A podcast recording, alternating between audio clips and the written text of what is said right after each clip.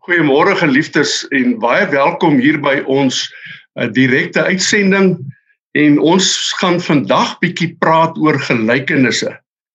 Maar voordat ons dit doen, kom ons buig ons hoofde en dan vra ons dat die Here ook hierdie samesyn sal seën. Die Hemelse Vader, baie dankie dat ons so by mekaar kan wees, dat ons u kinders is en dat ons ook u woord het waarmee u met ons praat. Wil u deur die Gees nou ook hierdie woord in elkeen van ons harte lewendig maak. Amen. Nou geliefdes, ek wil sommer begin deur vir julle te lees hoe belangrik gelykenisse vir Jesus was. En ons lees by op 'n paar plekke maar Markus 4 vers 33 sê deur baie gelykenisse het Jesus met mense oor sy boodskap gepraat vir sover hulle dit kon verstaan. Sonder 'n gelykenis het hy nie met hulle gepraat nie. Maar wanneer hy met sy disippels alleen was, het hy vir hulle alles uitgelê. Nou ek wil vanoggend begin met 'n gelykenis, uh 'n storie, 'n verhaal wat 'n geweldige invloed op my lewe gehad het, uh omdat dit 'n ware verhaal was. Uh jare gelede, dit is nou hier in die vroeë 90er jare, toe die eystergordyn daar in Rusland geval het, het die Christene daar 'n uh, teologiese fakulteit gestig. En hulle het mense uitgenooi om hulle studente te kom oplei want hulle het nou natuurlik nie professore gehad uh, of mense wat uh, uh, geskool was in teologie of so nie. So hulle moes mense van buite af uitgenooi het om hulle studente te kom oplei. En so is ek uitgenooi en Stefan was onder andere ook uitgenooi Maar uh daar het ek 'n persoon raak geloop wat altyd so in die hoekie van die teologiese fakulteit se sitkamer kom sit het. Partykeer maar saam met so klein seentjie en partykeer nie. Toe ek nou sy verhaal gehoor. Hy en 'n vriend van hom het net toe die eystergordyn geval het. Het hulle gehoor dat in Suid-Afrika tel jy sommer die goud op die sypaadjies op. En hulle het gedink dis nou die land vir hulle en hulle het daarmee saamgehoor ongelukkig vir hulle dat om in Suid-Afrika in te kom moes jy 'n visum kry en op die visum vra hulle vir jou of jy 'n Christen is en of jy iets weet van die Christendom. En dit was vir hulle 'n probleem. En die probleem los hulle toe op deur kerk toe te gaan. Sommige met hulle hele familie. En met die kerk toe gaanery het dit goed gevorder tot op 'n punt waar hulle gehoor het hulle storie is heeltemal verkeerd. Die uh, goud lê nog op die strate, maar on, hulle hoef nie Christene te wees nie. En met die besluit hulle nee, hierdie kerk toe gaan ry is nie vir hulle nie. Maar toe gebeur daar iets. Sy vrou raak gegryp deur hierdie boodskap. En sy sê nee, sy wil kerk toe gaan. En hy sê vir haar nee. En met die jaag hy haar uit die huis uit en sê as jy nou nie na my as man wil luister nie, so gaan dit mos maar partykeer dan dan kan jy loop. Hy het egter nou uh met verloop van tyd sy vrou so begin mis dat hy besluit het hy gaan kyk wat is hierdie Christelike boodskap wat mense so kan verander soos dit sy vrou verander het dat hulle self teen hulle eie man en hulle liefde kan inkies vir hierdie uh God en hy's weer kerk. En so waar daar kom hy tot bekering. En hy's terug na sy vrou toe. En hy sê sy vir sy vrou, uh ek het 'n wonderlike boodskap vir jou. Ek is ook nou 'n Christen. Ironies genoeg sê sy vir hom, ek wil niks met jou te doen hê nie. Ek is nie meer 'n Christen nie, want die Christendom het my soveel skade aangedoen, dit het my huisgesin gekos, het my man gekos, ek wil niks met jou te doen hê. En daar sit hy toe en uh, sy vrou gee hom toe ook sy seentjie want sy is heeltemal uh het spore gemaak en is weg. En daar sit hy met sy met sy seentjie. Hy is 'n taxi bestuurder en dan deur die dag los hy sy seentjie by vriende en dan uh ry hy taxi of snags het hy ook taxi gery. En dis op die punt waar ek hom raak geloop het daar in die hoekie van die uh, sitkamer van die teologiese fakulteit. Want weet julle wat, hy het geen vriende gehad as Christen nie. En dan moet ek net miskien bietjie sê hoe die agtergrond was in die vroeë uh uh, uh dekade van die Christelike Protestantse kerk in Rusland was dit hoofsaaklik vroue wat die kerk gedryf het. Die mans was die ouderlinge en die diakens en die dominees want dis uh mos tradisioneel en verder was daar geen mans in die gemeente nie. Ek het self sulke dienste bygewoon waar ek die enigste man was wat onder tussen die vroue gesit het. En uh, daarom het hy geen geesgenote regte gehad ander mans nie. En en dus was hy vreeslik alleen en het hy daar by die teologiese skool kom sit en gekyk of hy nie mense kry wat met hom gesels nie, wat wel ook gebeur het. Maar met die taxi uh bedryf het dit met hom net so sleg gegaan. Want die taxi bedryf in Rusland daai tyd was maar bietjie in die hande van die maffia van groepe wat die bedryf bestuur het en hy uh wou nie met die maffia saamgaan nie want hulle het baie oneerlikheid bedryf, omkopery, dwelms en so aan sodat hy uiteindelik sy werk ook verloor het. Nou om die lang storie kort te maak. Toe ek uh daai jaar, want ek het etlike jare, byna 10 jaar elke jaar daar gaan klas gee, in my kamertjie gestaan het en ek kyk so in die straat af sien ek so 'n halwe geboue man met sy met 'n seentjie van omtrent 4 tot 5 jaar in sy hand en hy stap stadig die straat af. En dit was niemand anders as hierdie Sergey nie. En ek het in my hart 'n beklemming gekry oor wat met hom gaan gebeur. Hy's nou 'n Christen, maar daar is nie mense rondom hom nie.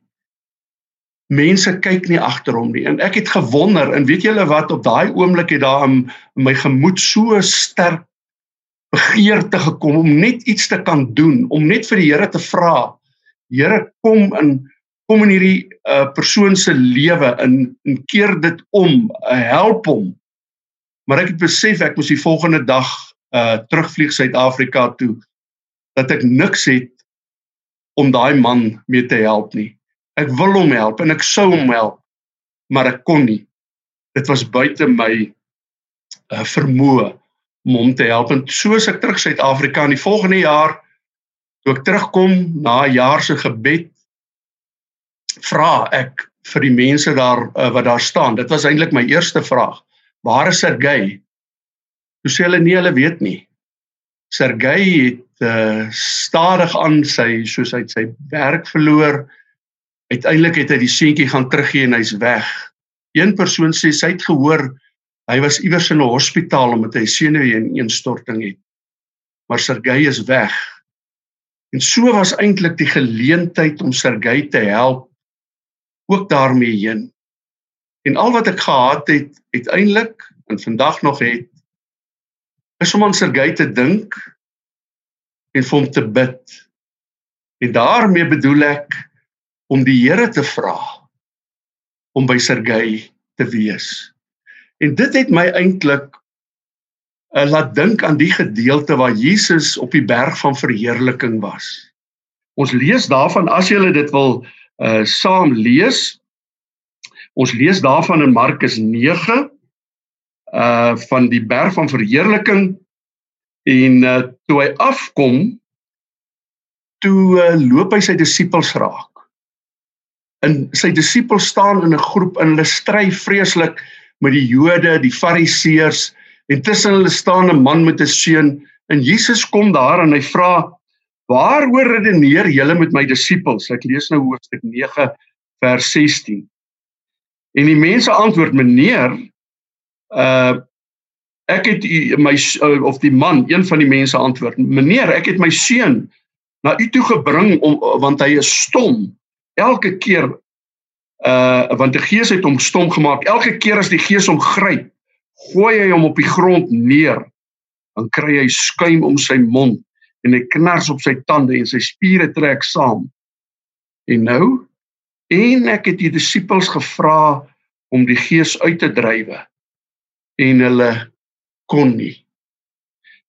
En Jesus sê toe vir hulle ongelowige geslag Hoe lank moet ek nog by julle wees? Hoe lank moet ek julle nog verdra? Bring die seun hier na my toe. En Jesus het natuurlik die seun gesond gemaak. Maar die disippels was bekommerd. Daar staan in vers 27 dat Jesus die seun gesond gemaak het in 28 nadat Jesus huis toe gegaan het. Het sy disippels hom gevra: "Waarom kon ons die gees nie uitdrywe nie?" En Jesus het vir hulle gesê: "Hierdie soort goed kan met niks anders as met gebed uitgedrywe word." Nou, ek stel my voor dat ek een van daai disippels was toe ek Sergey so sien wegstap het. Wat probeer, wat wou help, wat my Christendom wou uitleef, maar nie kon nie. En dat ek ook met 'n vraag voor die Here gaan staan sê Here, waarom kon kon ek nie? Waarom kon ons nie? En hier kom die Here se antwoord. Deur gebed is alles nodig, 'n uh, moontlik. En as ons nou kyk na hoe gebed funksioneer in Jesus se bediening, dan is gebed maar net die manier om God se teenwoordigheid, sy krag, sy almag binne 'n situasie in te pleit om dit so te stel. Om God te vra om in te gryp. Ek dink baie keer as ek as ek myself probeer voorstel wat 'n mens hier oor moet dink aan iemand wat met 'n geweer skiet.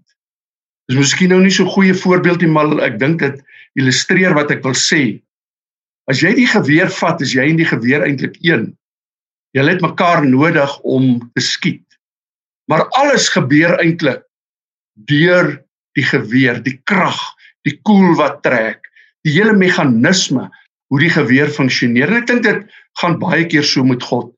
Dat ons en God is een en God het eintlik net die trek van ons gebedsvinger nodig om hom in 'n situasie te laat ontplof. En wat is die antwoord dis wat Jesus vir hulle gee? Dis nie julle wat dit moet doen nie. Maar dis deur die krag van God dat sulke dinge gebeur. En daarom sê hy moet ons nie klein gelowig wees nie. Ons moet nooit moed verloor as ons iets nie kan doen nie. Ons moet leer om as gelowiges dit in die hande van God te laat. Maar 'n tweede ding wat nogal treffend uh is in hierdie Markus boek is dat as ons agter Jesus begin aanloop, dan kom ons 'n interessante ding agter. Jesus beweeg baie. Jesus is die die een wat voortdurend van die een plek na die ander plek toe loop. En 'n mens sou dink hy gaan soek mense om uh te help en dit is ook so uitgesê ek moet hierdie boodskap uitkry. Maar op hierdie togte van Jesus kry ons iets baie interessants. Hy stap byvoorbeeld uh tussen mense uh, wat om hom saamdrom. En daar's 'n vrou wat hoor Jesus het mense gesond gemaak. En sy beur deur die skare tot agter Jesus en raak aan sy kleed. En daar kom Jesus agter. Daar het krag uit hom uitgegaan om hierdie vrou gesond te gemaak en hy vra wie dit is. Hierdie vrou wat wat eintlik te skaam was om Jesus tromp op te loop wat maar net met 'n bietjie waagmoed aan die krag van Jesus wou vat. Jesus het 'n sekere sin na gaan soek, maar eintlik is sy die een wat oor sy pad gekom het. Sy het na hom toe gekom en gevra, "Help my." So en Jesus het daar gedoen wat sy hand gevind het om te doen. Hy het haar gesond gemaak.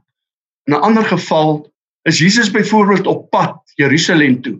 En dan staan daar uit vinnig vooruit geloop en sy disippels en die mense wat saam met hom gestap het, het ongemaklik en verbaas gevoel oor Jesus wat sommer so wegstap.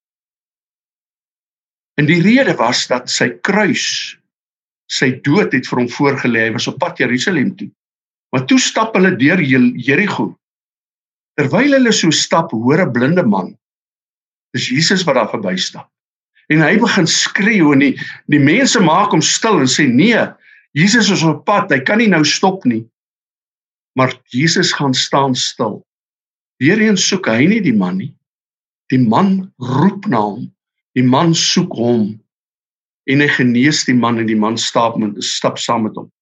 En dan is daar Saggeus wat aan die boom gesit het wat van ver af wou kyk hoe lyk Jesus. Weer gaan staan Jesus en nooi hom af. Jesus gebruik sy geleentheid. Of ons kan verder dink byvoorbeeld aan die kindertjies wat na Jesus toe moet kom. Die mense bring hulle. En Jesus is amper nie eers bewus van hulle dat hulle daar is nie omdat hulle nog nie nader gekom het nie. Maar hy hoor sy disippels wat hulle keer en dan sê Jesus nee laat hulle my na my toe kom en seën hulle. En geliefdes, so kan ons een voorbeeld na 'n ander noem van mense wat oor die pad van Jesus kom. En wat doen Jesus? Hy gebruik sy geleenthede. Hy doen wat nodig is vir die wat oor sy pad kom. Hy is nie noodwendig besig om oral na mense te gaan soek nie, soos ek sê hy doen dit ook. Daar's daai mense wat naby hom kom, wat by hom kom, wat in vertroue selfs na hom toe kom. En dan is die gemeenskaplike, die ding wat 'n mens byna by almal kry, dat Jesus hulle help, dat Jesus hulle gesond maak. Hy maak hy laat die blinde man sien. Hy laat die flou vrou met bloedvloeiing genees. So help hy mense veral om gesond te word. En hier moet ek eintlik net so 'n stukkie agtergrond gee. In die Bybelse tyd weet ons dat uh daar dikwels 'n verband getrek word tussen sonde en siekte. As iemand siek is, dan vra hulle wat se sonde het hy gedoen? Het hy of sy ouers gesondig? En daar was 'n baie goeie rede daarvoor. Die mense, die Jode het bely God is 'n God van lewe. Hy skep hy sorg dat mense en dinge lewe. Wat tot die logiese gevolgtrekking gelei het dat daar waar jy lewe verloor of waar die dood kom, daar is God afwesig. Want God is lewe en as daar dood is, is die lewe nie meer daar nie. En daarom het hulle gesê as iemand byvoorbeeld 'n stukkie lewe verloor, sê sê maar om met sy oë te sien, hy verloor die vermoë, daai stukkie lewe. Dan het hulle gesê hy het lewe verloor, hy het 'n stukkie van God verloor en daarom het hulle dit aan sonde verbind. En nou wat Jesus doen, in hierdie konteks waar mense so redeneer en so dink hy kom en hy maak 'n blinde man gesond. So wat doen hy eintlik? Hy doen twee goed. Hy gee die lewe terug aan daai man en deur dit te doen gee hy God se teenwoordigheid, die lewende God terug aan daai man. God, die lewende God raak daai man weer aan. En weet julle geliefdes, Dit laat my dink aan ons eie lewe. Ons dink baie keer as die dominee sê ja, julle moet julle kristendom uitlewe ensovoorts dat ek vir arme mense moet kos gee en ek moet uh uh almoses uitdeel en, en ensovoorts ensovoorts. En ek moet mense, jy weet, gaan soek om te help. Maar as ons na Jesus kyk, is dit inderdaad nodig, né? Maar as ons na Jesus kyk, is daar 'n baie interessante ding rondom Jesus, rondom jou. Is daar iemand wat jou dalk nie direk tromp op loop nie. Maar wat jou sien en skugter agter jou aankom omdat hy in jou iemand identifiseer met wie hy die krag van God kan deel. Soos daai arme vroutkie wat agter Jesus aangeloop het en sy kleed wou aandra.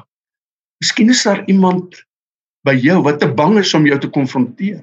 Selfs iemand in jou gesin wat maar net hoop dat deur aan jou kleed, aan jou teenwoordigheid, jou gebed, jou vertroue in die Here dat hy daardeur gelei kan word om die genesende krag van God in sy lewe te ervaar.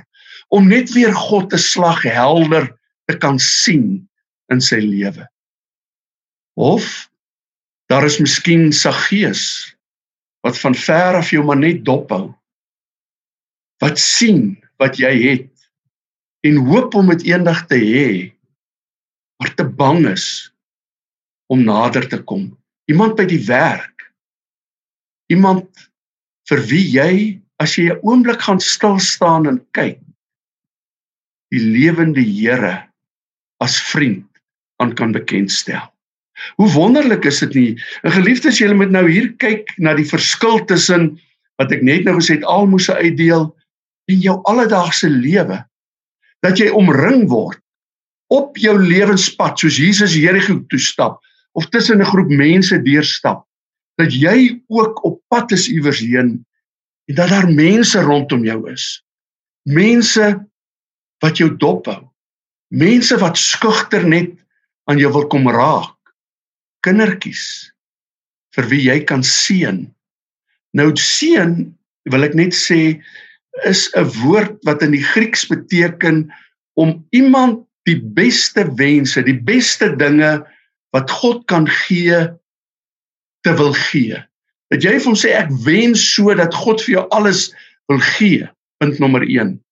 Punt nommer 2 en dat hierdie goed joune sal bly vir die res van jou lewe. So jy jy jy, jy sê eintlik vir daai persoon dat jy wens om God se teenwoordigheid, God se goedheid toe vir die res van sy lewe. Is daar nie dalk iemand wat wat daar rond speel en wat mense keer om na jou toe te kom vir wie jy kan sê moenie moed verloor nie. Weet God se goedheid is by jou vir die res van jou lewe. Dan leef jy jou kristendom uit. Geliefdes, ek dink wat baie duidelik hier is is dat as ons hierdie hoof kan 'n mens sê strekking van die evangelie sien dan is daar een groot klem. God verander dinge. Maar hy gebruik jou om dit te verander. Hoe? Deur op jou lewenspad ook mense te stuur met wie jy in 'n verhouding kan staan. Vir wie jy aan God bekend uh, kan stel. Mense wat blind is. Vir wie jy 'n stukkie van God kan gee deur die blindheid in liefde weg te neem. Onthou jy neem nie die blindheid weg nie. En dis die les wat die disippels geleer het. Dis nie hulle wat dit ding doen nie, maar dis hulle wat deur gebed God toelaat om in hierdie situasie God te wees. Geliefdes, jou lewe lê voor. En selfs al is ons in isolasie soms, Ons pad kruis met ons familie, ons vriende, ons pad kruis by die werk, oral. Wees wakker. Kyk mooi. En weet jy is iemand wat die groot verskil van God kan maak. Jy kan die sneller trek dat God in hierdie wêreld in die lewens van mense ontplof. Amen. Kom ons buig ons hoofde. Dankie Here vir u genade, u liefde. Dankie dat u ons gebruik. Geef vir ons daardie geloof om u liefde, u lewe, u teenwoordigheid aan ander mense te gee. Aan die wat miskien naby net aan ons wil raak, word van ver af dophou. Die wat soos kindertjies na ons toe kom om net te hoor dat God ook by hulle is gebruik ons as u instrument. Amen.